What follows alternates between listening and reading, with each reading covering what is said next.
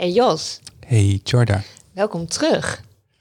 Ja, we zijn weer op locatie, hè? Fijn hè? Op ons eigen stekje, zo blij om iedereen weer te zien. aan ons tafeltje. Seizoen 1, aflevering 13, zullen we beginnen? Aflevering 13. Ja, wat kan er misgaan? This is the 20 to 12 podcast. Available via the Apple Podcast app, Google Podcasts, and Spotify. Your source of local tech and media news, live interviews with friends of the show, and lots of uneducated opinions. Presented live from Groningen, the Netherlands. Here are your hosts, Jada Polderman and Joshua Paper.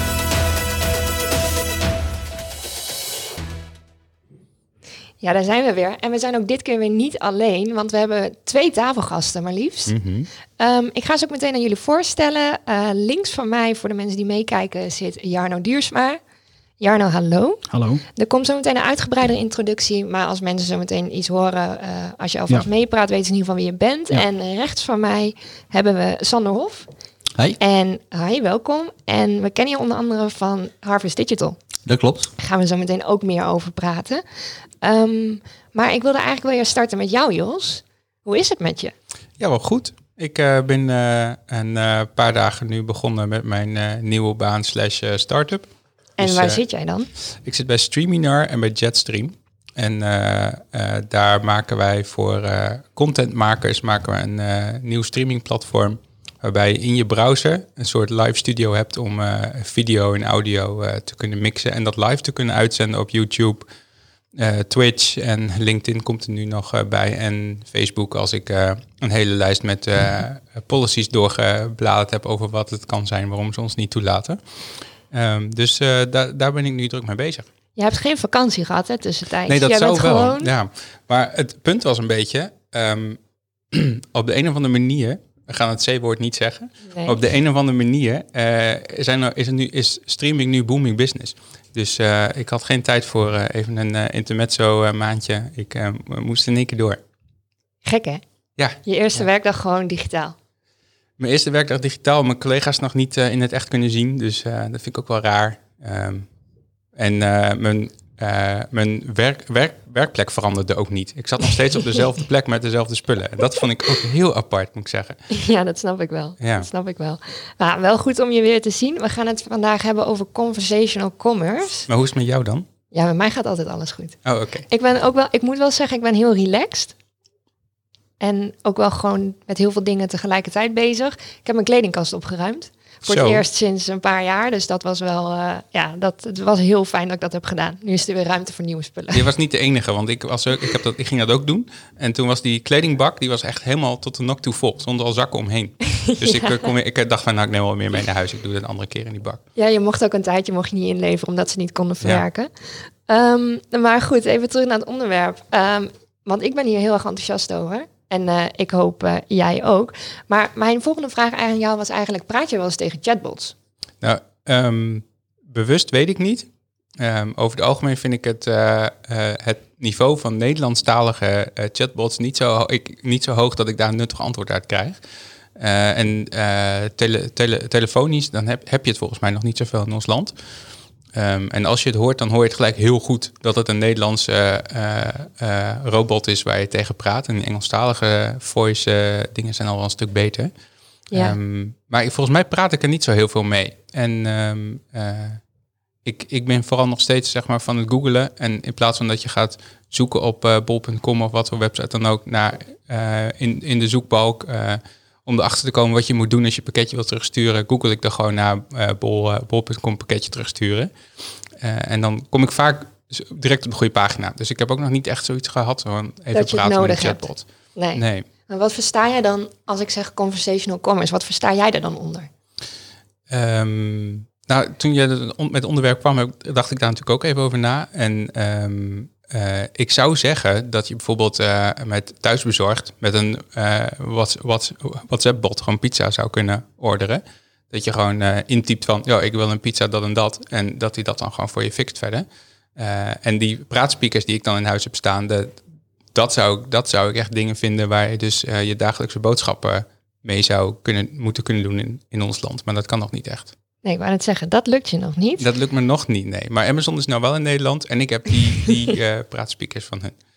Nou, ik heb het ook even opgezocht, uh, want wat het internet erover zegt, uh, conversational commerce, voor de mensen die er waarschijnlijk nog niet bekend mee zijn, gaat in de kern om het bieden van gemak, personalisatie en het ondersteunen van beslissingsprocessen. Nou, dat is nogal een ruim begrip. Um, maar onder andere chatbots is uh, één vorm daarvan. En er zijn natuurlijk wel meerdere vormen. Maar daar weten gelukkig uh, onze tafelgasten van alles over. En dan kom ik eigenlijk ook meteen bij de uitgebreide introductie. En Sander, laten we met jou beginnen als je dat goed vindt. Is goed.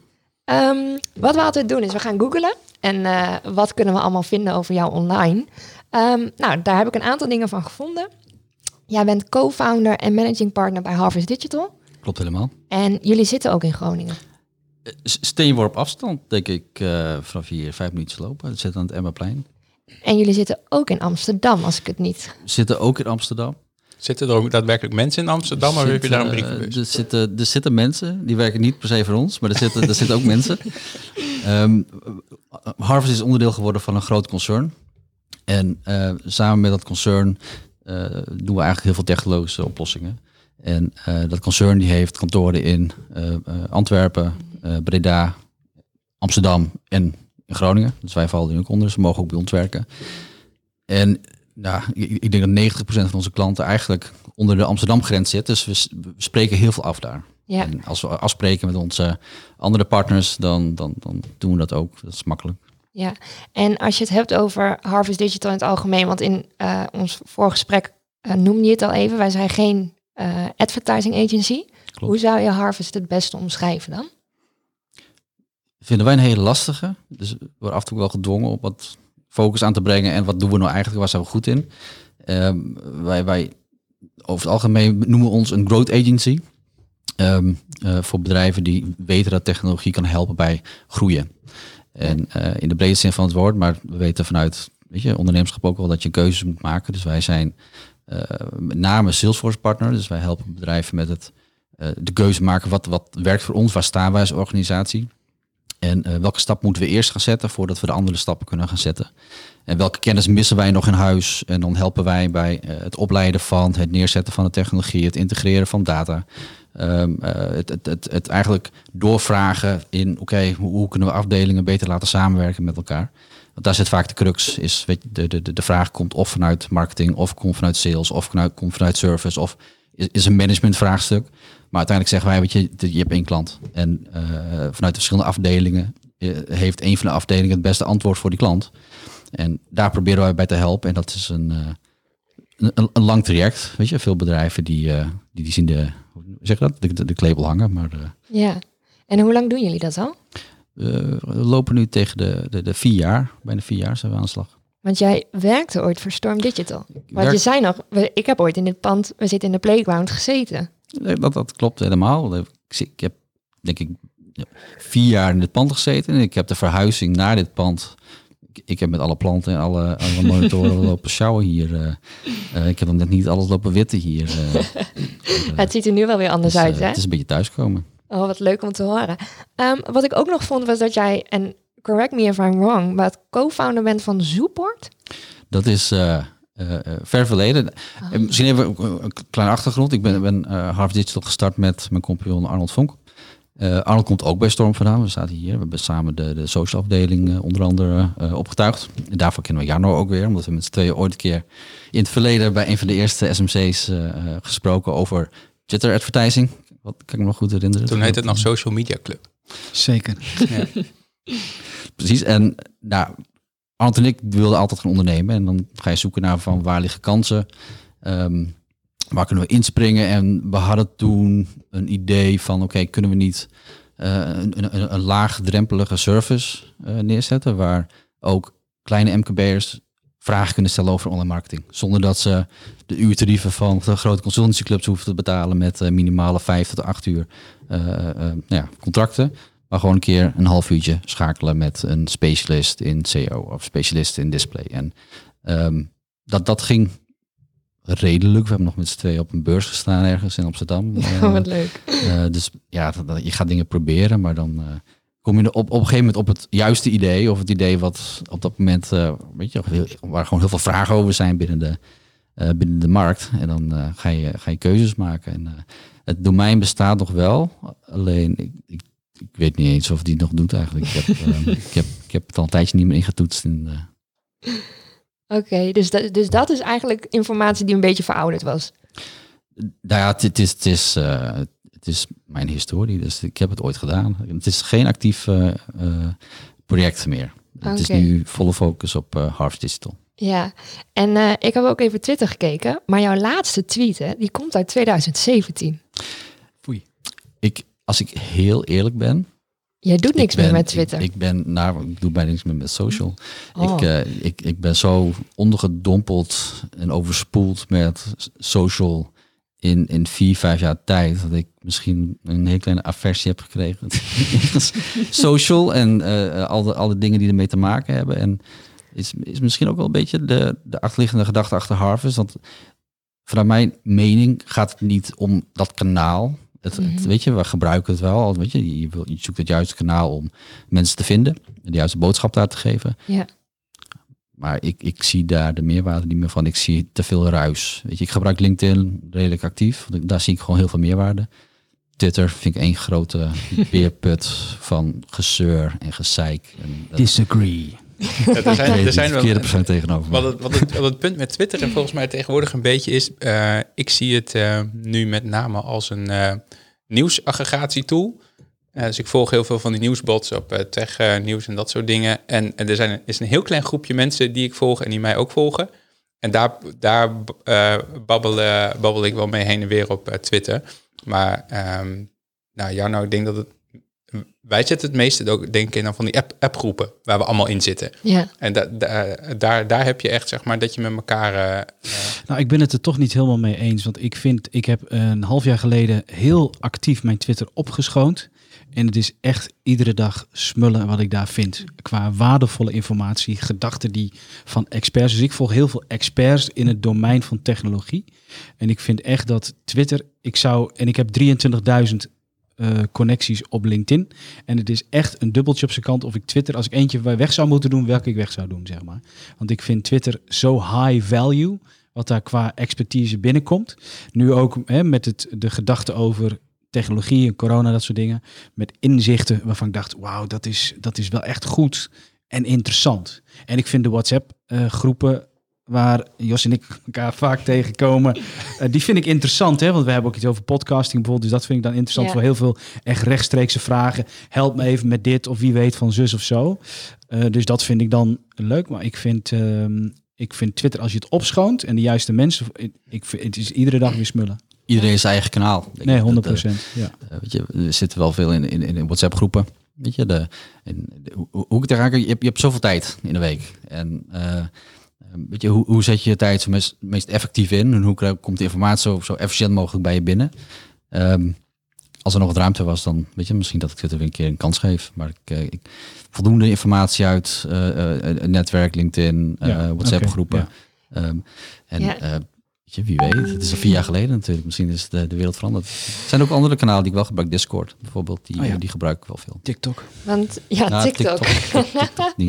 Nee. Dat, dat heeft echt wel ook, eh, nou we gingen het eigenlijk niet noemen, maar sinds corona heeft dat er wel echt een vlucht genomen in Zou Nederland. je nou het C-woord? ik heb het toch gezegd, sorry. Ik eerder. Ehm, maar, maar goed, Jarno, eh, we hebben natuurlijk ook even in, je- eh, in jouw eh, portfolio gedoken, want jij zit al sinds 2007 op Twitter. Ja, dat en zou best jouw kunnen. 06-nummer staat daar ook. Ja. Is dat, bewust? Dat je denkt van, Eh, Ja, mensen mogen mij gewoon bellen. ja, oké. En ehm, waar kunnen we jou allemaal nog meer van kennen? Jos, die noemde het al even, eh, Social Media Club 050 of SMC 050. Volgens mij was dat ook een van de eerste keren dat ik jou daar tegenkwam. Ik ben Mhm. toen met peperzaken nog meegegaan. Mhm. Ehm, maar dat is er niet meer. Nee. Maar je doet wel heel veel andere dingen. Want Mhm. eh, je bent onder andere trendwatcher van digitale technologie. en je hebt Studio Overmorgen. Je bent ook auteur van vier boeken inmiddels. Ehm, je mag het zeggen als ik het niet meer goed heb. Hè? Ja. Je hebt ook een podcast. Mhm. Die heet Listening to the Future. Mhm. En ehm, we komen je ook wel veel tegen in de Volkskrant, BNR, Financieel Dagblad, NRC. Mhm. En wat ik ook nog wel heel opvallend vond, is je bent een alumnus van de Singularity University in Silicon Valley. Mhm. Daar ben jij geweest. Ik vind het een hele goede samenvatting. Goed hè? Ja. Ik heb mijn huiswerk gedaan. Ja, ehm, wil je nog iets over weten? Of, Nou eh, ja, hoe lang doe je dit allemaal al? En hoe, Nou, ik ben in, eh, eh, dit is nu eh 2020, dus ik ben tien jaar geleden begonnen ehm, eh, als adviseur op het gebied van toen nog sociale media. Eh 2011 eh, toen begonnen met Social Media Club Groningen. 2012 heb ik een boek geschreven, Sociale Media Strategie in 60 minuten. Dat werd heel veel verkocht, dus het boek, eh, ik weet niet inmiddels, zoveel duizenden. Ehm, en zo deed ik dus lezingen en consultancy. Ik heb toen in 2014 ben ik begonnen aan een boek over digitale trends, maar ik, ik, ik, ik, ik, ik was daar nog niet, ehm, ik vond mezelf daar nog niet goed genoeg voor.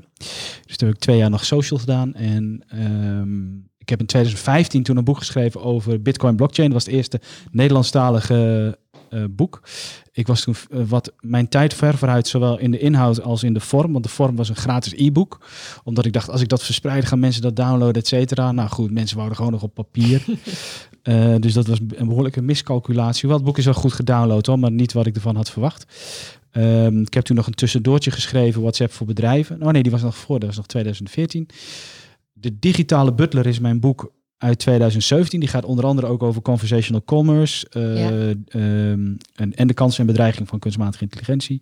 En ik heb in 2019 twee rapporten uitgebracht. Eentje over machines met verbeeldingskracht en de andere over deepfake technologie. Ja. En Singularity University was dus de week waarin je in Silicon Valley, ik geloof 35 lezingen krijgt in zes dagen. Van echt eh, wereldklasse af en toe, echt TED.com waardig. Eh, maar ook, eh, ehm, ja, ik vond het echt awesome. Ik vond, ik vond het echt geweldig. Omdat je ook met 90 echt high-level internationale ondernemers een week lang in zo'n hotel zit alleen maar. Dus ik heb bijvoorbeeld heel veel contact gehad met een man die had 300 fashion winkels in India, weet je wel. En die, eh, eh, ik heb met, met, met mensen van de, van, eh, god, ik ben de, de, de Bank van Frankrijk, een CIO geloof ik, weet je. Dus echt high-level, 90 mensen. Ze doen allemaal echt iets mind-blowing leuks. Dus dat vond ik de moeite waard. Dus daar kijk ik met Ja. veel positieve gevoelens eh, naar terug. Ja. Is er dan buiten het feit wat je nu allemaal nog al doet, is er iets wat je nog graag wil doen? Ehm, Vloggen? Nou, nou, ik wou altijd heel graag een podcast, dus dat ben ik nu Ja. aan het doen. Ja. En dat vind ik super leuk. Kijk, ik vond SMC 050 vond ik ook leuk. Eh, maar ik was op een bepaald moment gewoon heel veel bezig met praktische en organisatorische dingen. En daar was ik gewoon eh, flauw van in. En, en ik, ik, ik dacht ook, dat is niet uitgekomen overigens, maar ik dacht ook als ik SMC 050 loslaat, komen daar weer nieuwe initiatieven. Eh, maar dat is niet zo. Maar dat, dat was ook een reden dat ik dacht, hey, hè, dit eh, 2011 tot 2019, hoe lang wil je nog doen? Snap je? Ja.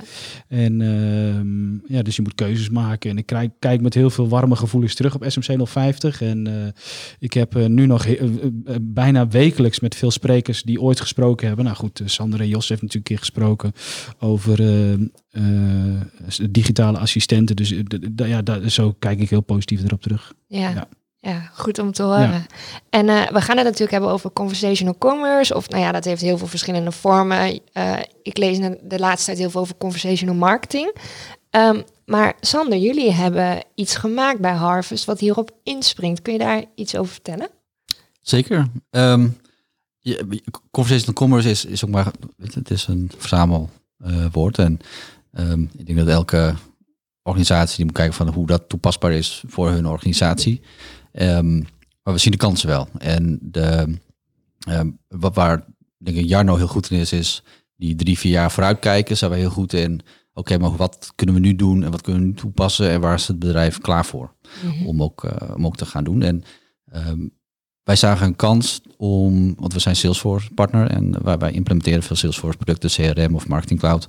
Eh, en dat is vaak, weet je, gewoon heel eendimensionaal. Het is gewoon het versturen van het bericht zonder dat iemand kan reageren eigenlijk op het bericht. Ja, En, en wij zagen de kans dat met name toen de, eh, de, de, de, WhatsApp Business API eh, opengesteld wordt van, van hey, wat, wat kunnen we hiermee gaan doen? En we zijn ook in eh, Google Dialogflow gedoken. Dat is de, de chatbot functionaliteit van, van Google. En van, van wat kunnen we doen als we die twee met elkaar gaan combineren? Ehm, waardoor we eigenlijk een digitale assistent neerzetten voor een organisatie om enerzijds wat meer verrijking te doen en te goed snappen van wat, wat wil deze persoon nou eigenlijk. En om sneller tot de kern of de essentie te komen van eh, de behoefte, zodat de persoon die het daarna op kan volgen, als het nodig is, eh, meer informatie heeft om dat gewoon efficiënter en sneller te doen. Ehm, wij hebben een, een, dan noemen we middleman, we noemen het eigenlijk de dialogue manager. Het is het, het- de hub waar alles samenkomt. Want elke organisatie heeft weer andere technologieën waarmee ze werken. De ene werkt met Oracle, de andere werkt met Salesforce. Dynamics of Sugar CRM. Weet je, iedereen heeft een eigen tool of Zendesk die eraan hangt of Service Cloud.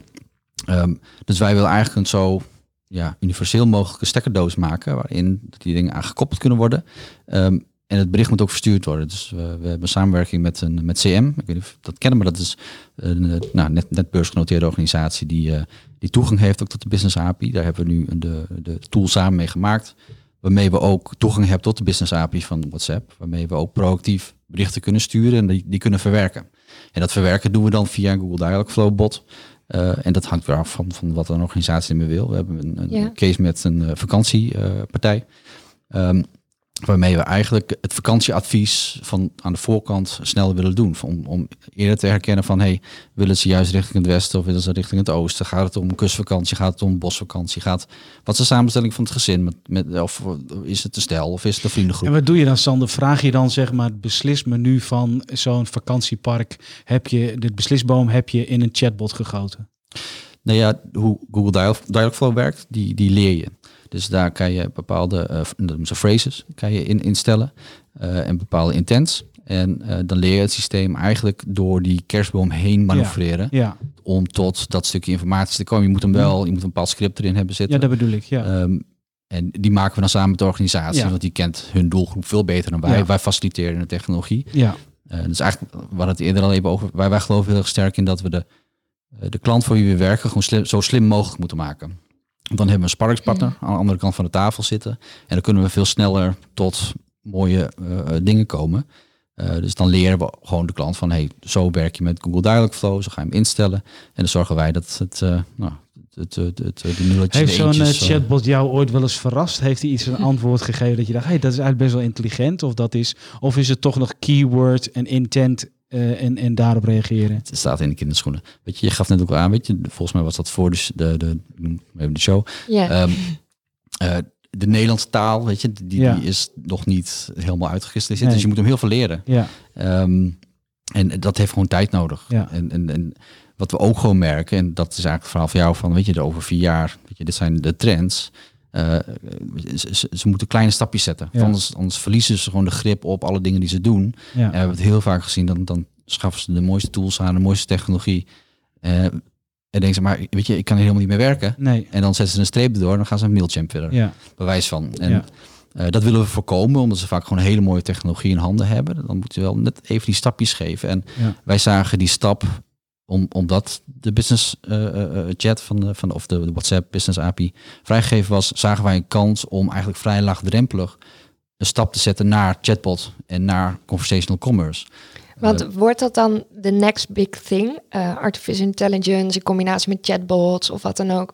Is dat iets wat de komende periode volgens jullie beiden echt wel een verschil gaat maken? ik, ik, ik ben een realist. Dus ik, ik weet je, de, ik geloof niet dat de, de, het menselijke karakter ooit weggaat of het menselijk handen of handelen. Ehm, maar ik geloof wel dat eh, bedrijven altijd op zoek zijn naar efficiëntie of, eh, efficiëntieslag in, in de Mhm. dingen die ze doen. Eh, weet je, het, het, het, het gaat om ehm, weet je, de, de onwetende klant naar een, een, een, een, ja, een, een klant krijgen die gewoon de juiste informatie op dat moment heeft, zodat hij de keuze kan maken van moet ik die pizza met eh salami of moet ik de pizza met, eh, met ham eh, hebben? En Nou, dat eh, beter, ik. Ja. beter data, weet, je kan je vanuit de data al zien van wel wat de voorkeur voor deze persoon. Kan ik alles wat van voorsorteren op, zodat je eigenlijk de stappen minder hoeft te zetten. En, ehm, maar vanuit de servicegedachte, weet je, het, menselijk handelen blijft altijd eh super Wat, belangrijk. wat ik dan wel een beetje mis, altijd, eh, is dat ze je toch in een soort van tunneltje drukken. En als je dus met persoonlijke voorkeur gaat werken en van dit vind jij lekker en bla bla bla bla, dan krijg je dus wel op de duur dat je dus in je bubbeltje zit en altijd dezelfde pizza krijgt, omdat je een beetje die kant op wil. En zo, zo, zo werkt het dan vaak. Ehm, maar als er een mens zit aan de andere kant, daar kan je ook eens vragen van eh, doe maar eens wat anders of je kent jou wat Nee, beter. maar daar zijn we het over eens. We zijn het erover eens, het hoeft niet eens zo heel lang, dat die uiteindelijk die mens eh, helemaal aan het eind is het gewoon het beste, is het meest persoonlijk, eh, kan het beste meedenken, heeft een associatie nog over een pizza of een speciaal bier of whatever. Hè? Dus daar zijn we het Maar over een bot zou, dat, zou je dat ook moeten kunnen leren, denk ik. Nee, maar dat geloof ik. Ik geloof oprecht. Hè. Kijk, als je het hebt over de next big thing, hè, dan zeg ik altijd: wat is next en wat is big? Zeg ik dan altijd. Ehm, ik geloof dat ehm, eh, eh, conversational technology. ehm, het wordt steeds beter. En eh, het gaat niet zo snel als dat wij ooit dachten. Hè, van, oh ja, en, hè, dus ik weet nog bijvoorbeeld het Facebook, dat beroemde of beruchte Facebook-congres, waarin de, bots in, in, in Facebook werden aangekondigd, zat iedereen, nou, nu gaat het gebeuren. Hè. Nou, dat viel natuurlijk in de praktijk heel erg tegen. Maar toch, als je ziet welke grote sprongen er worden gemaakt op het gebied van conversational technology. Ik belde een, tijdje geleden naar Apple, want mijn eh, laptop eh, audiokaart die was kapot. En dan word je door zo'n virtuele assistent al best heel ver meegenomen in zo'n menu. Op een, vind ik best wel prettige manier. Hè. Je moet ook zeggen van, hey, nou, of de vraag, gaat het om die en die MacBook? Ja, inderdaad. Dus dat vind ik eigenlijk al best goed. Ehm, we zien ook een aantal ehm, eh, toepassingen. Ik noemde in de, in de voorbespreking die Google Duplex, hè, die bellende Google-assistent, die dan wordt gebruikt in de coronacrisis om eh, te bellen naar winkels van klopt het inderdaad dat u open bent op die en die tijdstippen? Nou, dat is gewoon een werkend operationeel product. Kun je zeggen, ja, dat zijn de grote jongens, maar dat zijn ook de grote jongens. Maar het duurt natuurlijk nog een tijdje voordat Google in de callcenter zit om dit soort technologie gewoon uit te besteden. Daar kun je gewoon op wachten.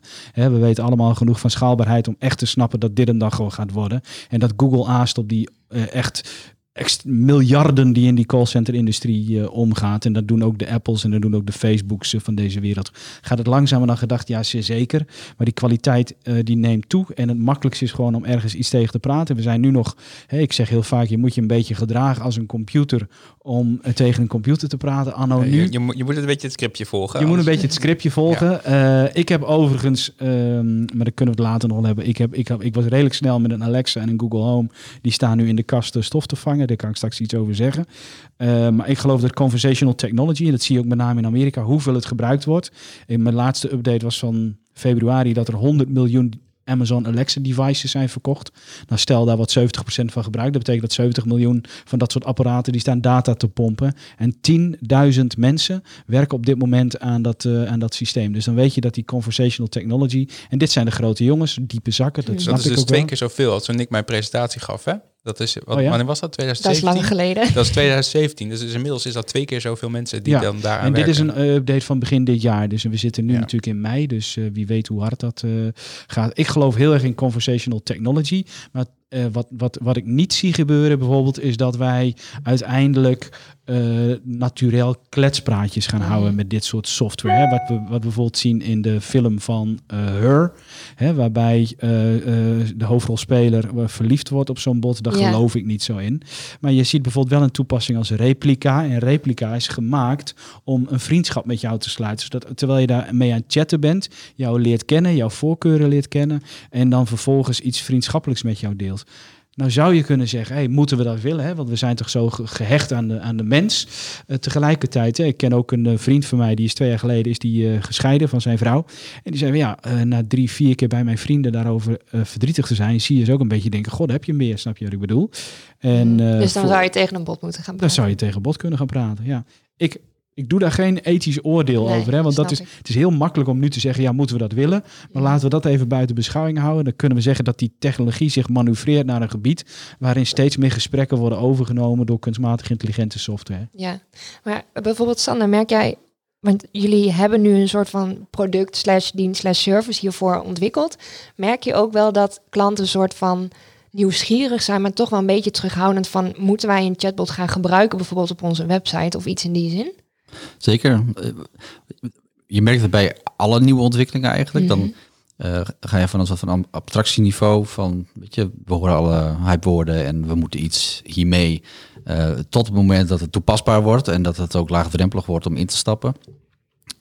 Weet je, en, en dan gaat het leven. Weet je, je hoeft niet weet je, de, de, de, de vijf stappen over te slaan en naar helemaal naar artificial intelligence en helemaal pre- eh, prescriptive eh, eh, eh, soort van, van marketing te gaan. Het is nog een stap daarvoor. Van de kleinere stappen doe je. Hoe kan je bijvoorbeeld door eh, eh, mobile payments, weet je, de, gewoon gemakkelijk via je, je mobieltje te, betalen. Terwijl Ja. je met de service medewerker zit te chatten of de chatbot en op bewijzen van dat je iets wil terugsturen.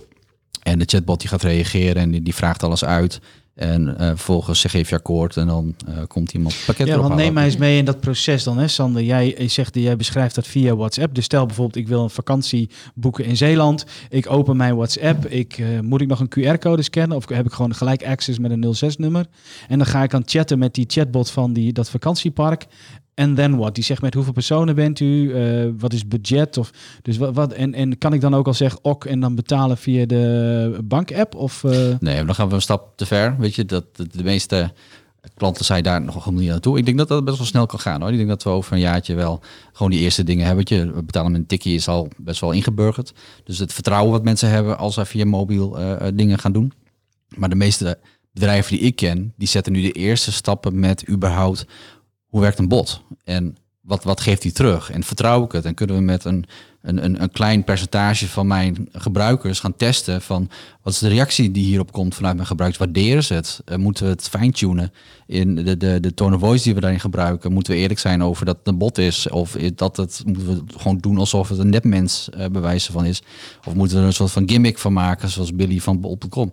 Weet je, dat het moet passen bij het bedrijf. En ik denk dat de meeste bedrijven nog in die fase zitten van wat kan een, een, een bot voor jou betekenen? Welke kan- kanalen horen erbij? Ja, het, het moet natuurlijk ook passen bij de doelgroep die je hebt. Hè? Ik bedoel, ik eh, kan me goed voorstellen dat als je in de ouderenzorg zit of zo, dat, het, dat, het, dat, het, dat ze dat minder prettig vinden dan, dan dat met als- wel, maar met praten toch wel weer misschien makkelijker. Hè? Er even uitgaan dat, het goed werkt. ja, ik wou net zeggen, maar als je het hele script het moet doen, dat, dat, Nee. dat, dat, dat kunnen die mensen Nee. vaak niet. Die Nou, ik dat niet je accepteren. zeggen, joh, ik zag dus laatst een demo van, ik weet niet eens meer van welke tool het was. En toen was dus iemand en die sprak tegen zo'n digitale assistent, alsof die gewoon tegen een vriend sprak. En toen stond ik, dat ik dacht van, ja, maar dat is niet de bedoeling, weet je? Zit je- Zo, zo moet je niet met een Zo moet- robot praten. Nee, zo moet je niet met een robot in gesprek. En je gaat toch eerst Nou, kijken naar de uiterste, voordat het naar een soort van het midden gaat en tot iets toepasbaars. Dus Ja. dat je- hetzelfde met, met virtual reality. Weet je, je gaat eerst naar de, de, de excessen Ja. en daarna ga je naar iets wat toepasbaar is in de zorg, in een kleinere vorm. Ja. Zonder dat je een volledig eh, eh, virtuele buiten eh, ervaring Vanzelfsprekend. krijgt. Ja, Weet je, dat, ik, en dat is misschien meer de realist in mij. Weet je, het gaat om, ik, kunnen we toepasbaar Jawel, maken? maar nog even dat stapje. Dus dan ben ik aan het chatten met die WhatsApp eh, business tool en dan heb ik een gesprek. Waar stopt dat dan? Dan zegt hij, oké, deze bungalow is voor u geschikt. En then what?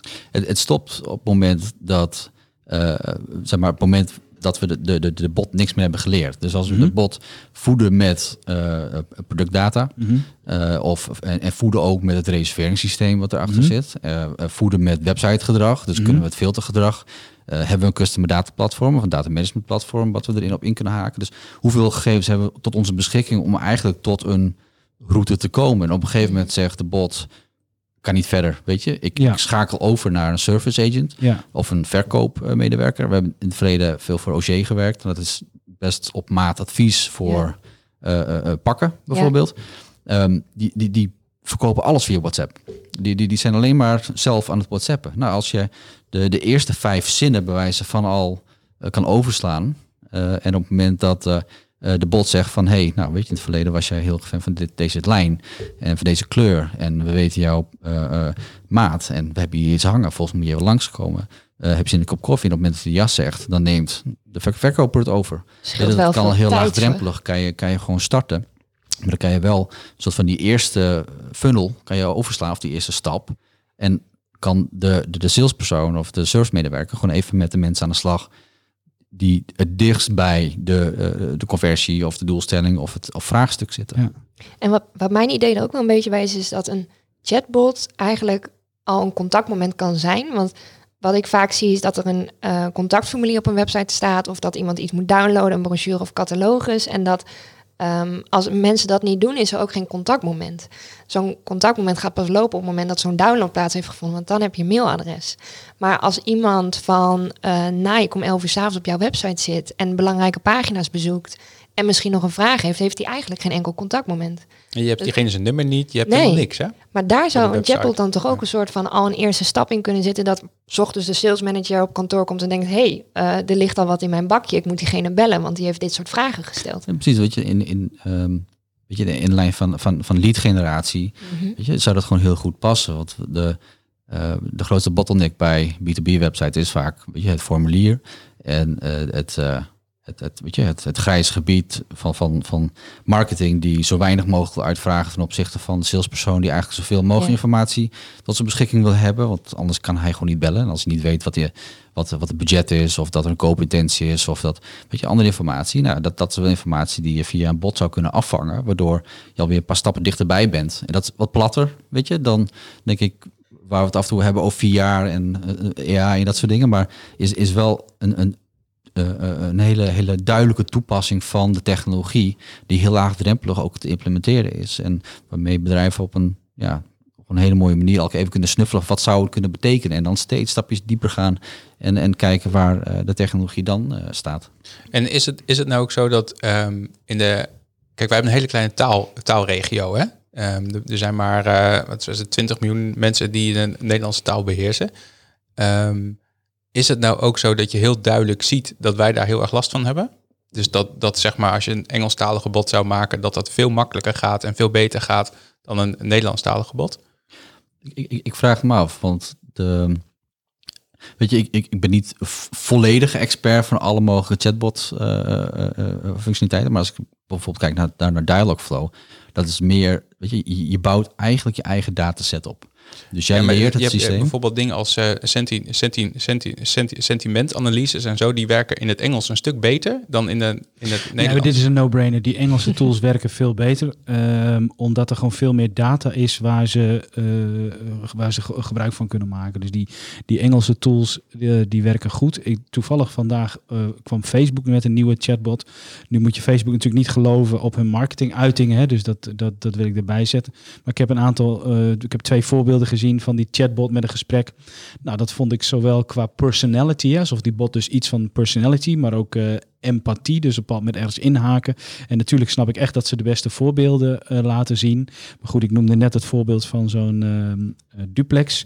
Ik weet toevallig dat PayPal 65% van hun klantcontact, nou weet je, laat het ook wat marketing zijn. Laten we zeggen dat ze 35% van hun klantcontact afvangen met chatbot technologie. Dat is natuurlijk ook al behoorlijk, mits dat leidt tot tevredenheid. Hè. Laten we dat, eh, ik weet dat IBM chatbot technologie gebruikt in Europa en Amerika om veelgestelde vragen over corona bijvoorbeeld beantwoorden. Hè, dus eh, die, die Engelse variant die is eh, veel beter, maar ik denk dat we heel lang tegen een plafond aan zitten, hè, waarin je een soort beslisboomgesprek prima met dit soort technologie kan doen. Maar op het moment, kijk, ik, ik, ik had een tijdje geleden had ik met T-Mobile wat gedoe, dus ik was zo en ik kom op die site en er was iemand zei, hey, kan ik je misschien ergens mee helpen? Nou, dan chat ik zo, chatte de chat, uh, het, het chatte de chat, dan chat ik even met een mens en dan ben ik super goed geholpen en dan ben ik gewoon ineens weer hartstikke enthousiast over T-Mobile, snap je wat ik bedoel? Ehm, eh, als dat een chatbot is met een automatische pop-up en ik moet weer denken, oh ja, nu moet ik echt als een robot gaan nadenken, want dit, dit Dan moet ik het scriptje zien te, zien te volgen. Ja, moet ik een scriptje steekwoorden erin Ja, zetten. juist de steekwoorden eh, erin zetten. Ja. ja, dan ben je natuurlijk, sta je gewoon al een beetje met 1-0 achter. Ja. Eh, kijk, als je naar de patenten bijvoorbeeld kijkt van... ehm, eh, kijk, ik, wat, wat Sander doet, vind ik ontzettend waardevol. Hè? Want je implement, eh, implementeert technologie, je komt dingen tegen. En eh, eh, daar moet je mee zien te dealen, snap je? Dat is echt de noeste, eh, noeste eh, arbeid. Als je daar wat meer uitzoomt en je ziet waar die eh, grotere technologiebedrijven mee bezig zijn. Hè? Dus Amazon bijvoorbeeld met de Alexa-systeem en emotieanalyse en het kunnen... eh, dus, dus ik weet niet, uh, Jos, of die demo hebt gezien van Alexa, waarin zij praat met een bepaalde emotie. Hè? Eh, Excited Ja, of... ja. ehm, eh, wat Ze horen ook echt als je, als je pissig bent. Ja. Dus als je bijvoorbeeld eh, je licht niet aankrijgt en je zegt daarna heel boos dat je het licht aan moet, dan gaan ze dat ook checken. Zo Juist. van, yo, wat ging daar mis? Waarom Ja. is die, flipt diegene de pan uit Ja. op dit moment? Heb je dat al eens gedaan? Nee, want ik ben altijd vrij rustig. Oh. Maar, maar eh, eh, ik heb wel eens gehad dat ik echt op... Ik sta vrij ver van die speaker dan af. En dan hoort hij me niet goed. En dan heeft hij een heel verhaal over welk, welk licht. Ik denk, ja, yo, jezus, ik zeg het net. Woonkamer. Nou, en weet dan in het Engels. Maar... ehm, eh, daar, en als ik het daarna nog een keer zeg, dan zeg ik het natuurlijk een stuk harder. En dan kom je wat, wat, wat heftiger over. En ik weet dus, zeg maar, dat zij dus daarna luisteren van wat ging daaraan voor, vooraf. En waarom wordt diegene boos als hij nog een keer Ja, zegt? en dit is dus exact de reden waarom ik mijn Alexa en Google Home anderhalf jaar geleden in de kast heb gezet. Omdat die data die geaggregeerd wordt over onze emoties zo, eh, zo'n kwalitatieve groeispurt aan het maken is. Mhm. Als je de patenten kijkt van Amazon bijvoorbeeld, ehm, op, niet alleen op het gebied van emotie, maar ook op gezondheid. Hè, waarbij nu een makkelijke insteek is een verkoudheid, want dat hoor je relatief makkelijk natuurlijk. Eh, de volgende stap is ook eh, emotionele huishouding. Hè, dus wat voor emoties eh, je hebt. Maar vervolgens ook ziektebeelden of ehm, eh, eh, geestelijke gezondheid. En dit, is, dit, dit klinkt heel science fiction, maar mark my words. Dus het wordt opgenomen. Als het over drie jaar, dan zeg je verdomd. En zo is het. Dus dit is de reden waarom ik heb het uitgezet. Omdat ik Ja. weet wat er op dit moment geoogst wordt. Hè. Als wij tien jaar geleden wisten, klaar helder, wat Facebook aan het doen was. Dat we nu konden kijken, dan hadden we gezegd, "Urgh, hadden we dat wel moeten doen. Maar dat wisten we wel. Maar- Ja, dan.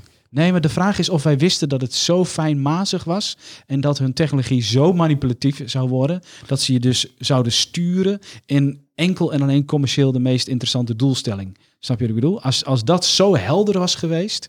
eh, het was natuurlijk in het begin Connecting the World. Als je mijn boek leest, in 2012 over social media. Misschien was, dan, was ik dan de enige die optimistisch en naïef was over social media. Dat kan. Oh, toen was ik ook nog optimistisch. En, eh, dan, Dan had jij nog Twitter. toen had hij nog had Facebook. Oh, ik heb Facebook nog steeds. Ja, maar we weten wel dat Mark, Mark Zuckerberg, dat is vanaf het begin af aan al niet helemaal een, eh, een figuur eh, eh, waar je al je data aan toe eh Maar ik vertrouwt. hoor En- niet zozeer is meer denk ik de aandeelhouders die erboven nou, zitten. het, die het, hem, het punt is ook het funding model achter al die, al die bedrijven. Nee, maar dat is het probleem. ja, dat, dat, is aan de basis probleem. is dat het issue. Ja, maar wat, wat mijn punt dus is, zeg maar, is dat op het moment dat bedrijven analyseren wat de bijvoorbeeld emotionele huishouding, waar- hoe je je voelt, hè, dan eh, eh, dat, dat, dat impliceert nogal wat. Daarmee ko- wordt, komt het wel echt heel erg dichtbij. En ehm, hè, we hebben met Cambridge Analytica bijvoorbeeld gezien dat dit soort eh, tools ook in worden gezet om bepaalde emoties bij mensen te genereren, zodat ze besluiten uiteindelijk om niet te gaan stemmen, zodat die tegenkandidaat, waar Cam- Cambridge Analytica ervoor werkt, om die aan de macht te brengen. Dus ik vond met mijn, zeg maar, mijn biometrische data, mijn stem, vond ik crossing the line. En ik vind het een heel interessant fenomeen, maar daar ben ik gestopt, zeg maar. Maar dan heb je het ook over dat stukje artificial intelligence in combinatie met die chatbots, toch? Juist, ja. Ja. Kijk, als je gewoon aan het chatten bent met een bot op een website, dat is allemaal, vind ik, redelijk onschuldig. Maar je moet niet vergeten hoeveel je automatisch toch weggeeft. Waarbij ik zeg maar eh, het trainen van zo'n machine Mhm. ehm, eh, op basis van stem en intent, eh, ja, dat, dat was voor mij persoonlijk de grens. Dat ik dacht van, ah, weet je, daar stop ik gewoon. Maar dat, dat vroeg ik mij nog wel af. En Sanne, misschien heb jij daar ook wel een mening over. Valt het stukje voice, valt dat ook binnen conversa- conversational commerce? Of Ja, ik vind het wel. Wij doen er nog niet echt iets mee, maar Mhm. dat, weet je, Voice is ook een, zeg maar, dat is een input-output kanaal. Net als je e-mail of je WhatsApp eh, is, is wat dat betreft. Ehm, Het, is, het is wel anders. het, het, het is, het is een andere manier van werken, maar de, het, is, het is een communicatiekanaal, maar dan met je mond in plaats van met je vingers. Ehm, maar ik zie op dit moment nog weinig echte toepassingen bij onze klanten dan. eh, eh, ten opzichte van de grote jongens die daar natuurlijk mee testen. En wat ik altijd heel gevaarlijk vind is het, het, het, het, gimmicky, zeg maar, ten opzichte van oké, wat gaat echt werken? En uiteindelijk moet je het gimmicky hebben om uiteindelijk tot toepasbare eh, te hebben. Ehm, maar ik geloof wel dat ehm, eh, dat, dat de toekomst heeft. Het ding, alle dingen worden ingeburgd. Maar ik ben het wel met, met Jarno eens. Weet je, dat heb je met alle nieuwe dingen. Weet je, op een gegeven moment dan gaan mensen de grens opzoeken. Eh, en, en, en, en zal er iets escaleren. En vervolgens gaat, moet het worden gereguleerd. En dan gaan mensen het omarmen. En dan, dan gaat 99% van de bedrijven gaan daar iets mee gaan doen. En de conversational commerce eh, is een ehm, term dat is ehm, geplaatst door Chris Messina. En Chris Messina is overigens ook de uitvinder van de hashtag. Dus dit is even de het 2 voor 12 momentje. Of wat is Die- het weer? Ja? 20 voor 12. 20 20 voor 12 momentje. Lekker dat je dat ook niet weet, Jarno. En eh, nee, ik bedoel, sweetheart, van hoe, dit is zo'n feitje van eh, waar je even de bel voor de voor, kunt. koffiemachine. Nee, weet je wel, je kent het programma toch, hoe heet het ook, het 2 voor 12 toch, waarbij je met Oh, dat is op Joost- de linie, linie, linie, linie- lineaire op televisie. de lineaire dat, televisie ja, van ja, eh, op toen- Nederland 3 ja, of zo. Nee, maar daar was mijn verwijzing ook Oké. na. Mijn verwijzing ging over het televisieprogramma van Feitjes. Dus die Chris Messina, die heeft dat bedacht omdat hij een woord zocht wat zowel voice-technologie omarmde als ook ehm, zeg maar chat. Dus overal waarbij conversatie de interface is, dat is eh, conversational eh, commerce. En eh, hij heeft onder andere ook meegeholpen volgens mij om, voor die Facebook chatbots. Die overigens dus niet lang niet zo goed werkte als dat werd, Ja. eh, werd eh, gezegd. Ik geloof erin wel dat, weet je, je ziet wel al die grote platformen met hun eigen eh chatbot-technologie komen. Ik ben van mening dat, weet je, dat dat zulke gevoelige gegevens zijn en ook wel bedrijfsgevoelig dat je ook als organisatie daar misschien in moet investeren. Hetzelfde dat je eh, Google natuurlijk gewoon eh, gehele dingen claimt, terwijl Google is niet marketing. Weet je, je hebt Mhm. meer dan marketing, maar je, je gebruikt wel de Google producten om de waarheid terug te krijgen. Terwijl is dat wel de waarheid die je vanuit analytics bewijs van eh, terugkrijgt? Of moet je dat measurement stuk ook naar jezelf toe trekken? eh, ten opzichte van, moet je dat ook niet met dit doen? Weet je, de data moet niet... Ik, ik kan me nog heel goed herinneren dat op een gegeven moment zeiden toen Facebook pages kwamen van, hey, ik heb geen website meer nodig. Ik ga alles gewoon op een Facebook page Ja. knallen en ik gooi daar mijn shop in en ik, eh allemaal data staat daar en ik, eh mooi, Ja, de, makkelijk. er- er is een land in Azië, China, waar ze dus geen websites hebben eigenlijk. Hè? Dus dat is alleen maar zeg maar eh, van, die, van die pagina's op van die hele grote Ja. Taobao, eh, Ja. WeChat. eh, Ja, dus dat, daar, daar, daar hebben ze helemaal niet, niet het internet zoals wij dat hier kennen. Nee, maar ik, ik denk dat Nederland altijd waarde, of Nederlanders, of, West, eh, West-Europa, of het Westen, ehm, aan, weet je, je- bouwt iets op als bedrijf. Dus wat, Ja, als merk wat- bedoel je? Ja, als Ja. merk en de waarde. En de waarde zit in data en in je, in je klanten. Wat is de waarde als alles, eigenlijk alles in een ander platform staat? Ja, maar is, Ja. is dat wel echt zo? Want als ik pizza wil, komen we weer terug op pizza voorbeeld. Jij hebt honger of niet? Ik, ga, ik, ik heb te weinig eten gehad. Ja, ik, was, sorry. ik was wat aan de late kant en ik wist niet we om zeven uur gingen beginnen. Maar dat maakt niet uit. Eh, had, ik, had ik wel kunnen weten overigens. Eh, maar eh, eh, wat wil ik nou zeggen? Oh ja, als ik, nou, als ik stel ik wil nou pizza, dan ga ik dus niet eh, googlen op ik wil pizza. Ik ga gewoon naar zo'n platformwebsite en ik bestel daar gewoon iets wat snel bezorgd kan worden en, enzovoort. Dus eh, voor sommige dingen is het waar, maar voor, voor basisbehoeften weet ik niet of dat, of dat altijd zo is. Of dat nog altijd zo is. Ik denk eh, veel in klantenservice, hè, waar je het eerste gedeelte van klantcontact al kan afvangen met eh, conversational technology. Daar gaat het gewoon heel doorslaggevend zijn. Hè? En Mhm. kijk, we hebben. de- er was, moet ik even goed naar. Ik denk dat een half jaar geleden is, was er ehm, wat ehm, boosheid bij mensen, omdat ze zeiden we worden afgeluisterd. Ik doe even aanhalingstekens door medewerkers van Amazon, want die luisteren onze gesprekken af. Hè? Ja. Eh, Feitelijk ook wel een beetje waar. en feitelijk ook niet waar. eh, want ze luisteren niet gesprekken af. Nee, Op- stukjes. Op, het moment dat ze het wake word hoorden, dachten te horen, en dat bleek niet zo te zijn, dan die, ik geloof 0,0 zoveel procent werd dan door medewerkers beluisterd. Waarom heeft Alexa in dit geval wel gedacht dat ze het wake word hoorden, maar wat bleek er dan niet te zijn? Dus dan hoorden ze een minuut soms dingen uit de huiskamer, hè, wat natuurlijk niet eh, echt afluisteren is. Je, overigens, je begrijpt mijn punt dat ik heel voor privacy en ik, ik haal niet zo'n Mhm. ding in huis, want ik ben daar wat zuinig op. Maar waarom noem ik dit voorbeeld? Omdat het, het was ineens een vertraging in omarming van voice technologie. Dus wij hebben in, in, in, in West-Europa wat meer met onze privacy. En dit was ineens, oh zie je wel, we worden toch afgeluisterd. Eh, maar ik geloof dat voice technologie op de lange termijn integratie krijgt in heel veel producten. Waarin je net, het, is gewoon, het zijn een aantal harde use cases. Hè, eh, eh, ja, waar- waarin je bijvoorbeeld, hè, dus je stapt in je auto en je, je hebt je handen aan je stuur, dus je kunt niet typen. En dan zeg je bijvoorbeeld, hey, eh, voeg boodschappen toe aan dat lijstje, doe dat. Of hey, eh, nu, net als dat we nu zeggen, bel die of die. Of eh, hè, dat is echt, dat zijn voor voice technologie is dat gewoon een hele goede. en verder is het een aantal dingen zijn, zijn gimmicky. Wat ik trouwens nog wel, want ik hoorde Sander zeggen, wat, we weten niet wat de waarheid is. Wat wel een interessant concept is van die, van die voice assistants, is dat je, je stelt dus een vraag en dan geven ze dus het antwoord op. Hè? Dus je Mhm. stelt een vraag. Ehm, maar ik was best wel, eh, ik, dat noemen ze een one-shot answer. Hè? Dus dat moeten ze in één keer goed krijgen. Maar wat ik daarmee wel een beetje vreemd vind, ik ben wel nieuwsgierig hoe jullie daarnaar kijken, is dat we dus die digitale assistenten, bijvoorbeeld de Google Home of de Alexa, iets in handen leggen, dat zij ons gaan vertellen wat nou de feitelijkheden in deze wereld zijn. Nou, dat vind ik een interessante constatering. En hoe lang is de Chinese muur? Dat, maakt niet, eh, dat maakt niet eens zo heel veel uit. Maar er zijn natuurlijk genoeg vragen waarvan je zegt: Goh, willen we dat antwoord wel zo hardcore in handen leggen van die grote technologiebedrijven. Bijvoorbeeld, stel je stelt een vraag over de Oeigoeren.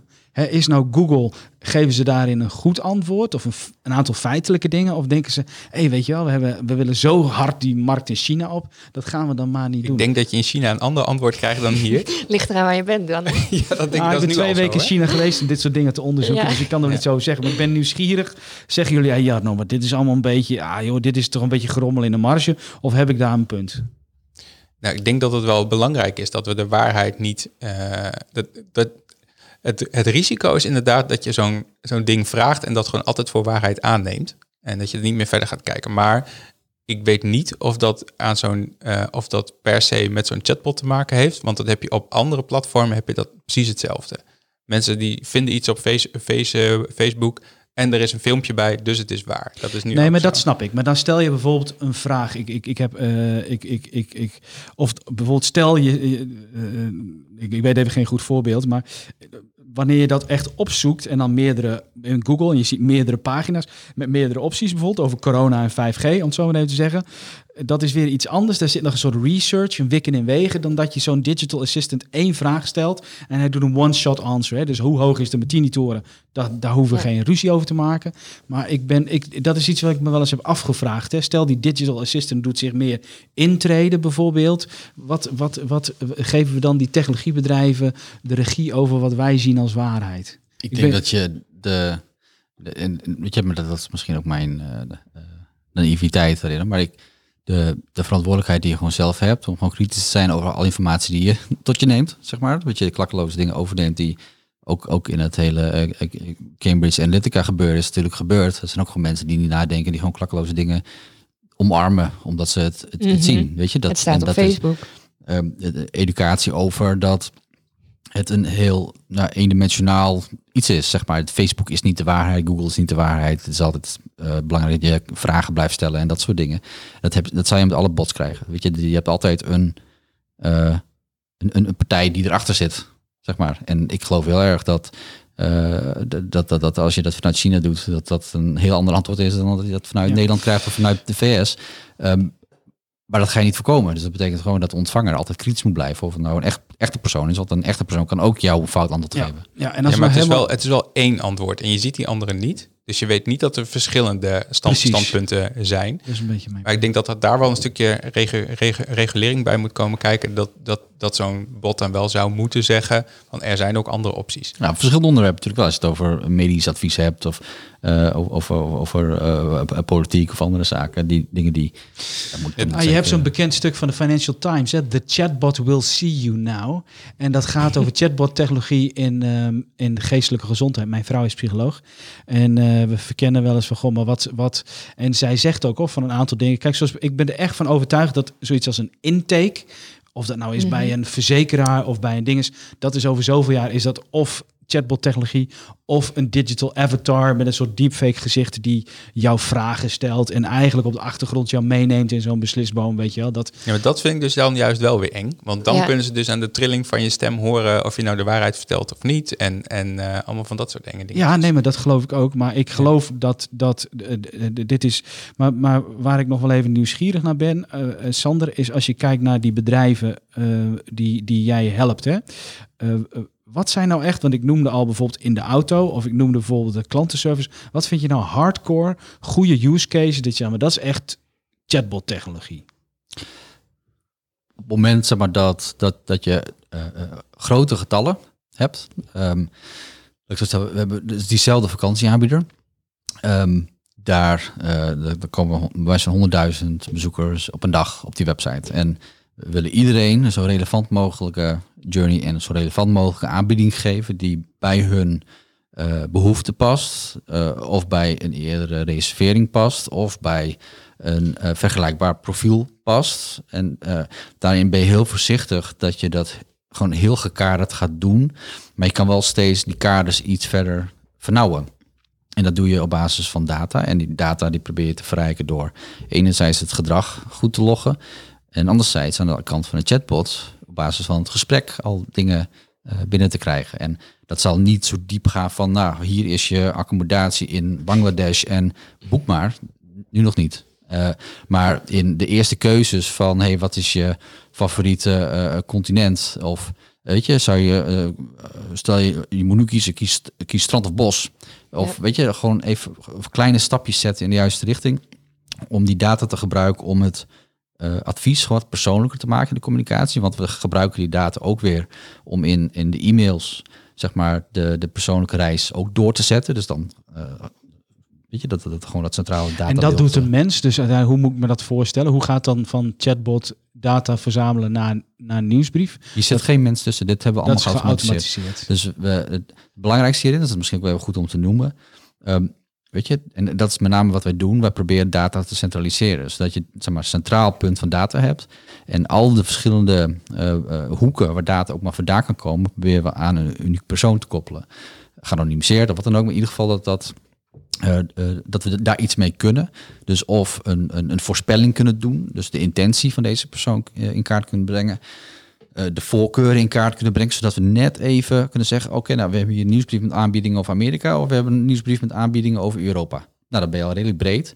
Als we meer weten, van we weten bijvoorbeeld of eh, iemand op zoek is naar last minute, nou, dat kunnen we redelijk snel herkennen als eh, iemand max twee weken in de toekomst aan het zoeken is. Nou, dan kunnen we redelijk makkelijk zeggen, nou, dat is waarschijnlijk last minute. En als het ergens in de zomerperiode valt, dan kunnen we redelijk met zekerheid zeggen van, hey, volgens mij zoekt deze persoon een zomervakantie. Dan hoeven we in de nieuwsbrief niet te zeggen van, hey, dit zijn mijn last minutes. Dan zeg je, hey, dit zijn de aanbiedingen voor de zomervakantie. Ja, oké, dat snap ik. En wat is dan adviseren? Hè? Want ik kan me voorstellen, ik, ik, ik kijk wel eens op booking.com en dan zie ik allerlei mogelijkheden. Dan kan ik gewoon uitkiezen. Nou, dat kun je in zo'n chatbot kun je dat zeggen. Als een soort beslisboom. Hè, je wil eh, wel of geen zwembad. Ik verzin maar dingen te plekken. Er zijn nog drie kamers vrij. Ja, er zijn nog drie kamers vrij. Oh, sorry, er zijn nog Oh, maar twee nou, kamers nog vrij. één. Ja, nu nog één. Vol. Als je er niet bij bent, nee, jammer dan. Er keken al negen- 79 mensen keken al naar dezezelfde kamer. Er zijn acht mensen aan het chatten over dezezelfde kamer. Ja, ja. Eh, Chat met elkaar. Vecht maar wat ik, ik Ook- ben, ik ben wel elkaar nieuwsgierig.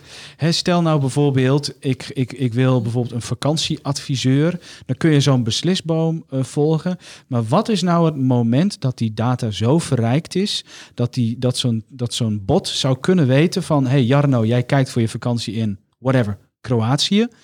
Op basis van eh, mensen die Kroatië boekten, boekten ook whatever, Tsjechië. Ik verzin iets te plekken. Mhm. Wanneer wordt die data zo verrijkt dat, dat die associatie die normaal een persoon heeft, dat die ook in zo'n bot gegoten kan worden? De- weet je, dat is het deep learning stuk wat er vaak achter zit. Weet je, we gebruiken Salesforce, dus wij- wij werken heel veel in Marketing Cloud. Dan heb je Einstein, eh, Ja. dat is zeg maar de artificial intelligence laag die daarin zit. Eh, die, die, die integreren op de website en die integreren we met de product feed. Dus we kunnen, en, en die kunnen we ook integreren met het reserveringssysteem. Dus dat betekent dat we ehm, eh, redelijk nauwkeurig kunnen zeggen op basis van vergelijkbaar gedrag. En we hebben geen idee hoe die deep learning eruit ziet. Eh, maar dat systeem leert en je kan daar een bepaalde laag overheen leggen van, nou, weet je, iets, iets nauwer of iets breder in je recommendations gaan, gaan zitten. Ehm, want je wil voorkomen dat je inderdaad in die filterbubbel komt, dus je geeft altijd alternatieven ernaast, mocht je daar proberen uit te komen. Ehm, maar daar, daar heb je gewoon een hele hoop data voor nodig. En eigenlijk weet je dat niet. Dus wat wij op dit moment doen is, en ik moet zeggen, en ik, ik ga geen naam noemen van klanten, maar klanten vinden het ook heel spannend. Om eigenlijk eh, zeg maar, de, de teugels los te laten en te zeggen van, nou weet je, Mhm. AI, weet je, doe jij het maar. Weet je, ik, ik hoef niet meer. Ja, en ik kan me ook wel voorstellen dat het spannend is om een technologie te gebruiken die dus eigenlijk nog moet leren voordat het volmaakt is. Waarbij je dus ook weet van een gedeelte van mijn klanten gaat hier gewoon een beetje geërgerd door raken, omdat, omdat zo'n bot niet de juiste toon. eh, Ja, maar je gaat monitoren, bij medewerkers ook zo, hè? Als je een nieuwe medewerker aan de telefoon zet, heb je dat ook. Dus, dus Die moet ook leren. ja, die moet ook leren en Ja. die gaat ook fouten, eh, Ja. fouten maken. Ja. En, dat, en dat is het. En eh, ik heb hem geprobeerd te overtuigen van, nou, laten we dan de mix pakken. Dus we gaan eh, eigenlijk in... Want ik heb eigenlijk tegen hem gezegd van, eh, weet je, ik wil dat jullie nooit meer een nieuwsbrief sturen. Want weet je, de nieuwsbrief die is nooit relevant. Die is pas relevant op het moment dat mensen op zoek zijn naar een vakantie. Eh, wat, weet je, en dat moment komt en dan moet je, zeg maar, gaan voeden met iets wat relevante informatie. Je gaat steeds wat nauwkeuriger of iets, iets, iets, iets wat af, meer afgebakend informatie geven. Ehm, en, en dat doe je nu op basis van de intentie die die persoon op dat moment heeft. En ik heb ze wel zover gekregen van, hey, laten we testen. Dus weet je, het monitoren is wel altijd een heel belangrijk onderdeel. Dus uh, kunnen we op basis van de negatieve reacties, dus we hebben servers ook aangekoppeld, kunnen we de cases eraan loggen en wat is dan het sentiment in die cases op basis van een echte persoon. Uh, kunnen we op basis van de, de naar een boeking, zeg maar, heeft, is, is de klik vanuit de recommendations gekomen? Of is de klik eigenlijk vanuit jullie algemene? Of is het vanuit AdWords gekomen of ergens anders? Weet Mag ik jou een hele andere vraag stellen? Wat vind jij leuk aan je werk? Wat, waar, waarvan zeg jij nou... Uh, hè, want uh, ik, ik, ik ik hoor, ik hoor wat je heel goed wat jij vertelt. Hè, maar het, het, het, het, het, voelt soms ook een beetje als schaken of zo wat je doet. Hè. Is er nou ook een moment? Wat vind jij nou het leukste dan? Wat, wat, wat, wat, Ik vind schaken vind ik, uh, vind heel leuk. ik, weet je, ik vind het heel leuk om uh, uh, bij dat bedrijf binnen te komen. En ik vind het ook heel leuk om zeg maar, de jongens bij, die ons, bij ons werken te leren. Want die zijn vaak, die komen binnen en die, die, die leren ja. hoe ze aan knopjes moeten draaien. Ja. Die, het, het gaat niet om die knopjes. Het gaat om, kan je inschatten waar die klant staat? Wie er aan de andere kant van die tafel zit, hoe zijn of haar team eruit ziet, hoe zijn managementteam eruit ziet, welke positie heeft hij in zijn ja, zo, Dus die marketing, dat vind jij het interessant om iemand in kaart te brengen en die vervolgens mee te nemen waar, waar, waar jij naartoe wil. Is dat, is nou, dat niet, niet waar ik naartoe wil. Nee. Ik, ik probeer in te schatten van wat is de volgende stap die dit bedrijf zou kunnen zetten. Dus goed, in kaart brengen van wat doen ze al, wat doen ze goed, wat doen ze uh, minder goed. Ja, zo. Uh, en, en dan kijken, dan maken we vaak, daar hebben we een groeimatrix voor. En dan gaan we op basis van een groeimatrix kijken wat is gewoon super complex en uh, wat heeft heel veel impact. Of wat is mega complex en heeft weinig impact. Nou, dan gaan we dat niet doen. Dan beginnen we met een dingetje Ja. die super veel impact Ja. heeft en weinig complexiteit heeft. Ja. Nou ja, en, en dat is eigenlijk een, een ehm, nou, iets wat gewoon, gewoon maat op maat op maat gewoon doorgaat. En Ja. keer is het een groot traject, want dan gaan we Marketing Cloud implementeren. En de andere keer is het een klein traject, omdat we een gepersonaliseerde e-mail met elkaar gaan maken. Of Ja. we gaan een journey mapping sessie met elkaar doen. Ja, ja. Om te kijken van, hey, kunnen we een, ehm, een, een, een, een segment uit jullie groep trekken waar, waar we een iets meer gepersonaliseerde reis voor kunnen gaan, gaan plotten. Ja. Weet je, en dat werk is nooit klaar. En Nee. ik zie conversational commerce als de volgende stap in die groeimatrix. En er zijn ook heel veel klanten die er gewoon nog niet aan toe zijn. Zijn zat klanten waar we binnenkomen die gewoon hele data stuk nog niet op orde hebben. Die nog steeds met Excel sheets werken. Die nog steeds met een, een, een verouderd eh, ERP-systeem in de lucht zitten. En vijf verschillende e-mailsystemen die je mails eh, knallen. Nou, dan is de eerste stap die we zetten. Oké, we gaan dat centraliseren. En daarna komt het moment wel, want je moet wel op je data kunnen vertrouwen. En als je met conversational commerce start, dan moet je echt heel goed op je data kunnen vertrouwen. Want anders heb je de kans dat gewoon verkeerd advies wordt gegeven. En dat je dan daarmee de plank mislaat en volledig dat project kan afschrijven.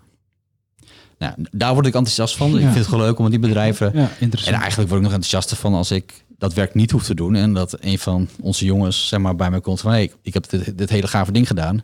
En daar reageerden die klanten super gaaf op. En weet je, daar word ik eh, enthousiast Ja. van. Hey, en eh, ja, ik, ik, mag, ik mag ook vragen Ja, stellen. Ja, mag, ik het? volgende Ik doe episode het doen, gewoon. Ik doe het gewoon. Ik doe Ik het vind gewoon. het heel leuk. Nee, maar wat, wat ik wat interessant vind, hè, want Jos, je kwam een jaar of twee, eh, tweeënhalf geleden over eh, digitale assistenten. Eh, kwam je iets vertellen? Je had toen nog zo'n leuke demo. Wat is nou een beetje jouw beeld over die groeilijn? Hè? Want jij gebruikt bijvoorbeeld Alexa nog wel actief. Ja. Gebruik jij dan ook meer skills? Is dat het? Gebruik jij of gebruik je toch altijd Spotify, lichten, timer, weer? Of ga jij nu meer gebruiken? Of vind je ook dat zo'n systeem slimmer wordt? Ik ehm, merk heel erg dat je het als huisautomatisering ziet. Dus het is echt voor het licht. En het is echt voor, inderdaad, je hebt je handen vol en je bent het ei aan het koken. En je moet een timer hebben en je hebt ondertussen ook nog dit koken en ook dat koken. Dus je hebt vijf timers door elkaar lopen. Dat soort, dat soort dingen merk ik dat ik er heel, heel veel mee doe. Dat deed ik er al mee. En dat, dat doe ik er nog steeds mee. Eh, ik probeer ook dingen te kopen. Zoals eh, batterijen en eh, dat soort dingen. Pampers. Dat, dat, Lukt allemaal dat? van die. Dat, dat lukt prima bij Amazon. Ja, dat gaat hartstikke goed. Maar ik merk wel ehm, dat ik toch nog de neiging heb om het even te willen zien of de prijs wel goed is en dat soort dingen. Ehm, dat ik daar, daar nog niet helemaal aan kan overgeven. En dan is het, is het ook omdat ik Jeff Bezos, dat, weet ik ook niet zo goed. Dus ik heb er niet, niet. Ik vind Amazon een beetje een spannende combinatie. Ik vind dat ze maken de beste praatspeakers, beter dan Google. Ehm, eh, ze kunnen alleen niet. Eh, ze spreken de Nederlandse taal niet. En dat is wel. eh, dat vind ik soms nog wel irritant. Dat ik over moet schakelen op het Engels om het licht aan te kunnen doen. Ehm, maar ehm, ja, of het nou heel veel beter wordt, het gaat wel veel minder vaak fout. Dat merk je wel. En stel, ik En kom morgen bij jou in huis, ik haal al die apparaten weg. Ben je dan echt hard aan het balen of zeg je, nee, dan loop ik gewoon weer naar mijn licht toe om hem aan te doen? Ik heb geen zit, knopjes. Zit gewoon in het donker. Nee, ik, ik, Laat- laat maar. ik, heb, ik heb helemaal geen, geen, geen lichtknoppen. Dus ik, eh, ik heb ook niet zo heel veel andere opties. Behalve dat ik mijn telefoon dan moet pakken en dan moet ik mijn lichten aan gaan doen. Nou, Ja. En dat is dus super irritant. Ja. Doe het morgen eens, Jarno. Nee, doe maar ik ga morgen bij Jos door de brievenbus roepen, een keer 's ochtends heel vroeg, turn the music on, Alexa. Music, mu- music volume to 10. En dan Ja. eh, keihard door het hele Ja. huis heen. Maar, maar ehm, eh, dat, ik, ik, ik, ik denk persoonlijk dat, het, dat ik er, eh, als het Nederlands zou spreken, zou ik er meer, meer mee doen. Ja. En eh, bij, de, bij dat Google-ding heb ik gewoon zoiets van, die geeft zoveel informatie over allemaal loze dingen. Zoals hoeveel lichten die aandoet en dat soort dingen. Ik denk van, ik, ik had gisteren 13 lampen en dat heb ik vandaag ook. Dat hoef ik niet elke dag weer drie keer te horen. Dat Dat- zegt, Ja. ik heb net merk- 12 lampen. liggen. Oh shit, dit is ik kapot. Hey, en merk je nou, dat ze dan, dan, dan eh, geef ik het stokje even over, maar merk je nou dat je ook gehecht raakt aan zo'n Alexa als een soort vriendin? Hè? Je hoort wel eens soms mensen Nee, dat zeggen, heb ik dus echt helemaal Nee? niet. Nee, nee. Ik, eh, eh, nou, we hadden het voor de uitzending over die eh, film.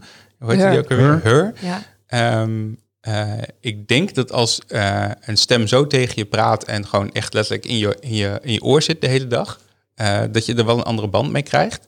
Eh, kijk, en ik heb natuurlijk wel van die Air- AirPods en zo, en ik praat wel dan met Siri, maar Siri is zo dom. Dat, daar kan je alleen maar aan storen. Daar kan je niet, verder niet zoveel mee dan, dan vorige liedje, volgende liedje, volgende podcast, vorige podcast. Dat is wel zo'n beetje wat, wat, wat echt goed functioneert. Ehm, maar ik denk wel dat als ehm, zo'n zo'n eh, persoon in je telefoon, laat ik het dan zo maar zeggen, eh, jou heel goed snapt en precies jou aanreikt wat jij nodig hebt op de goede tijd, dat je daar echt wel een band mee krijgt. denk ook. Dat, dat denk ik wel. Maar Jarno, wij hadden gisteren ook nog al even een gesprekje. En jouw verwachting was dat ehm, mensen eerder voice-technologie zullen gaan gebruiken... omdat ze bang zijn om dingen aan te raken straks. Nou, wat je gewoon ziet is dat er is best wel veel ehm, angst voor besmetting. En ehm, ik verwacht dat een aantal bedrijven dit gewoon gaan aanbieden om bepaalde dingen eh, te doen met voice bediening. Hè? Bijvoorbeeld een deur, iets met security of safety. Of ik heb me dit niet heel erg in verdiept, maar het lijkt me zo'n enorme waarschijnlijkheid dat je gewoon een aantal commando's kan geven Ja. eh, bijvoorbeeld dat een deur open gaat, dat je het niet meer hoeft aan te raken. Of iets op slot te doen wat je niet meer hoeft aan te raken. Ja, dus dat denk ik. Ik denk dat voice technologie eh, meer... Ik zie zelf nu steeds op Instagram zo'n reclame van zo'n... eigenlijk een soort hele grote sleutel. En die Ja, kun je dan ja. tegen je deurklink, zodat je de deurklink niet meer hoeft aan te raken. Heb Ja. geen Instagram meer. Nee. Oké, nee. Maar zou je dan ook je Alexa weer uit de kast halen? nee, dat is echt uitgesloten. Ja. Wat, denk, wat, eh, wat, wat zou jij dan willen? Dat het allemaal in dat dingetje zit zelf en dat die verder niet met de buitenwereld communiceert? Je zou Alexa ook voor je deur kunnen zetten. Dat Alexa je deur openzet, maar voor de rest niet binnen je huis eh, kan luisteren. Zet je gewoon lekker op straat. Eh, Alexa, de deur- open. Ja, dat je af en toe de deur even open doet om... eh, nee, kijk, als, eh, gejat. nee, maar ik vind het een leuke hypothese. We doen even de hypothese. Alexa is een device, een, een op zichzelf staand device... die alles voor mij kan doen, maar niet communiceert met zeg maar, Ja. die data wat niet zijn. Zou ik het sowieso gebruiken. Oké. Het Dus, dat, dus eh, Siri bijvoorbeeld, die heeft dat. Ja, Ja. ik gebruik Siri dus eh, wel eh, regelmatig. En ik gebruik ook voor, met mijn Apple Watch doe ik heel vaak timer. Dus dan loop ik ergens, heet zet een timer Ja, voor dit ja. of dat. Ook voor podcast, voor audio, dat soort dingen eh, gebruik ik het wel. Eh, maar ehm, ja, ik vind wel een interessante hypothese. Dus stel als dat zou zijn, dan zou ik wel weer op, op voice technology overgaan. Ja, dus als je zo- stel Siri zou beter functioneren dan dat het doet, zo'n Apple Home eh, pod die zou je dan wel in huis dat zou zetten. wel. Als, als het zeker is dat dat. eh, ja, kijk, de, de, eh, nog even een hilarisch eh, verhaal. Eh, Ik had Alexa, had ik net. Dus mijn vrouw vindt dat soort voice assistant niet zo heel erg oké. En dat heeft een, een, een, een, een grappige aanleiding. Ik had mijn Alexa had ik net in huis op kantoor, zeg maar, thuiskantoor. En ehm, dus ik had gezegd, allemaal dingen uitgeprobeerd, en dat. Oké, nou weet je wel, we gingen slapen. S'nachts midden in de nacht, mijn vrouw maakt me wakker. Die zei, ik hoor iemand. ik zei, hoezo, what the fuck, wat zullen we nou krijgen? Dus inderdaad, ik hoorde ook iemand. Ik dacht, wat zullen we nou krijgen? Dus ik rechtop in bed. En inderdaad was het Alexa. Ik had gezegd, zet de wekker om drie uur. Maar dat was dus drie uur midden in de nacht. Dus ik moest eruit. Nou, we waren natuurlijk vol adrenaline, omdat wij echt in iemand hoorden. Ja. En dan zei met geluid en een stem. Toen dacht ik, shit, dit is gewoon in ons huis. En zo eh, eh, had mijn vrouw zoiets, mm, mm, dat ik maar weinig fan ben van dit soort dingen, zeg maar. eh, zo, dus dat is een Het beetje was de- toch geen inbreker? Nee, het was geen eh, vrouwelijke inbreker. Ah, mooi. Ja, Ik eh, heb dus wel Siri, maar dat is wel echt heel erg irritant. Die, eh, die gaat te pas en te onpas, praat hij tegen me. En dan Ja. denkt hij dat ik... Ik eh, heb die automatische stem in mijn Ja. eh, telefoon, heb ik, of dat automatische recognition stuk heb ik uit. Mhm. Want zelfs als ik YouTube-filmpjes kijk op mijn telefoon, Ja, dan af en toe dan krijg ik de Siri eroverheen. Dat is echt zo kut. ja. Ik snap niet dat, dat, dat het bedrijf wat eh, 150 miljard op de bankrekening heeft staan, niet even dit geregeld kan krijgen. Maar Ja. oké. Verschil tussen series en serie. Niet, eh, niet, Nee, bijvoorbeeld, ja. Dat, eh, dat gaat dat is wel interessant. Waarom niet? Waarom, zou het, waarom zeggen ze niet, we doen gewoon 2, 3 miljard, pompen we de komende twee jaar in dit project en dan gaan we echt een goede digital assistant. eh, het- is niet hun core focus, hè? Nee. ze hebben daar de focus niet op. En zij hebben, ehm, ik ken Apple langer dan vandaag. En ehm, eh, zij hebben echt wel een goede focus op privacy. Dus daarom eh, gebruik ik ook bij voorkeur Apple spulletjes. Ehm, maar ze bewaren dus al die data niet. Al die, al die, eh, Ja, dus die machine ook al is het anonieme data. ja. Zij kunnen maximaal trainen op een, op een setje van een hal- half jaar aan data. Dus dat schiet niet op. En als je kijkt hoeveel eh, eh, data die, die collega's van hun hebben, dat is echt bizar hoeveel. En, en, ehm, en die stoppen er volgens mij ook gewoon echt meer geld in. En dat maakt natuurlijk ook uit. En, ehm, ja, voor, en, en Siri is niet iets wat uit het hart van Apple komt. Hè? Dat is ook een overname. Dat was een bedrijf wat, dat was er al en dat is overgekocht. En de founder daarvan is toen weggegaan. En dat is nou Samsung Bix, eh, Bi- Bi- Bixby. Bixby, Bixby, ja. Goh, hoe heette dat tussen? Ze hebben ook zo'n tussenstapje nog gedaan voordat het Bixby werd overgenomen. Nou, maakt niet uit. Eh, Dat doet weet ik niet meer. Nee. Maar, maar eh, dus, dus je ziet dat er hard daar, daar een, een beetje eruit is. En dat de, wetenschappers die, die aan dit soort AI-technologie werken, die werken bij Amazon en bij voorkeur bij Google volgens mij. Ehm, en en niet, niet bij Apple. Dus ik, ik, ik, ja, Apple gaat dat kort, aan het kortste eind trekken. En dat is wel, dat is wel heel jammer. Ik zou het nog wel leuk vinden, we zijn nou inmiddels over het uurtje heen, om eens over een tijdje weer met elkaar om tafel te gaan om te kijken, waar staan we nu? En in hoeverre heeft dit al een vlucht genomen eh, als dat eh, bijvoorbeeld Gartner het verwacht dat het gaat doen? Ehm, Ja, maar want waar, waar, eh, waar staat conv- conversational commerce op de hype chart? Ja, die, die staat op dit moment Volgens als... mij is hij eh, alweer in de teleurstellingsfase, toch? Ja, zit hij Daarna. alweer in, het eh, dipje? Ja, volgens mij zit hij alweer in de dip. sterker nog, ik denk 2019 eerder dat hij, op eh, ingezet. Nou ja, kijk, ehm, eh, kijk wat, het, wat het lastig is van het voorspellen van technologische trends, is dat je hebt een aantal koplopers die doen het supergoed, waardoor de rest van de wereld denkt dat iedereen dat dat dus binnen handbereik is. Maar wat ze bijvoorbeeld met die Mina, die chatbot van, eh, van Google, ik ben het bedrag even kwijt, maar alleen al om die chatbot te trainen waren zoveel miljoen dollar of zo. Ik geloof dat ze 2 miljoen dollar of zo in mijn hoofd om die chatbot dus goed te kunnen trainen eh, voor dat proces of zo. Weet je, gewoon belachelijke bedragen waar natuurlijk geen enkel bedrijf op kan hoesten. Ehm, ja, dus, dus, dus dat is de verwarring, hè, dat men denkt nu gaat het gewoon vliegen. Mhm. Ehm, ja, je hebt altijd, het is niet voor niets zo'n cycle waarin er teleurstellingen zijn. Eh, ik geloof dat er een aantal use cases zijn die gewoon glashard zijn, waar we echt voice conversational technology eh, gaan gebruiken. En ik denk, hè, de- de- ik weet niet meer van wie de uitspraak is, we overschatten op korte termijn en onderschatten op lange termijn. Ik denk dat dit echt zo'n technologie is dat we over tien jaar echt zeggen van, goh, weet je nog dat eh, dat, dat ja, eh, ik, ik, ik heb daar echt veel vertrouwen in dat dat iets is, omdat het zoiets dicht is raakt bij wat wij doen. Als Ja. straks het echt redelijk feilloos is, dan zie ik het ook mijn broers en ook mijn vader bijvoorbeeld gebruiken. Ja. Maar goed, dat zien we later dan wel weer. Ja, maar ja, dat is met alle interfaces zo. Hè. We hebben in het begin hebben we natuurlijk gehad dat je in het begin moest je ponskaarten maken. Toen kon je typen en kon je iets terugzien op een beeldscherm. En toen kregen we grafische interfaces en toen kregen we dit en toen kregen we dat. En, en, en nu hebben we eh, chatbot interfaces waar ik tegen kan typen en dat het, dat het tegen praten, dat gaat, dat gaat wel komen. Gewoon een beetje tijd geven, toch? Denk Ja. ik. Ja. Ik denk dat het wel sneller gaat. Ik denk Je dat dus, het is dan, de, de, de verwachting van de consument dat op het moment dat je gaat chatten via WhatsApp met een bedrijf, dat je gewoon heel snel geholpen wordt en heel snel tot het juiste antwoord komt. Weet je, en ik geloof wel dat je een heel spectrum hebt van conversational commerce tot volledige prescriptive AI en, eh, en, en al, al andere zaken. Maar ehm, als we gewoon naar de, de, de toepasbaarheid kijken, dan weet je, dat het begint nu bij eh, automatisering van een aantal processen die gewoon nu ook al bij bedrijven spelen. En om daar winst te maken. En dan komen die andere dingen daarna Ja. eh, wel. True. Weet je, ik, ik kom nog zoveel bedrijven tegen waar ze nog steeds moeite hebben met e-mail marketing. Dus weet je, dus de, er is nog zo'n weg te gaan en we hebben het altijd hierover. Nou, weet je, de meeste bedrijven zijn daar pas over tien jaar. Nou, dat vind, laat ik dan de laatste opmerking maken. hè. Dus ik was bij Singularity University in Amerika. Hè. Ik dacht, nou nu, dit is... Maar bij zoveel bedrijven, hè, dan sprak ik met mensen, met, met bijvoorbeeld de, de CIO van een supergrote Franse bank bijvoorbeeld. En dan zei ik, hey, maar weet je van dit, weet je van dat? Geen idee. Ik zei, weet je van crypto?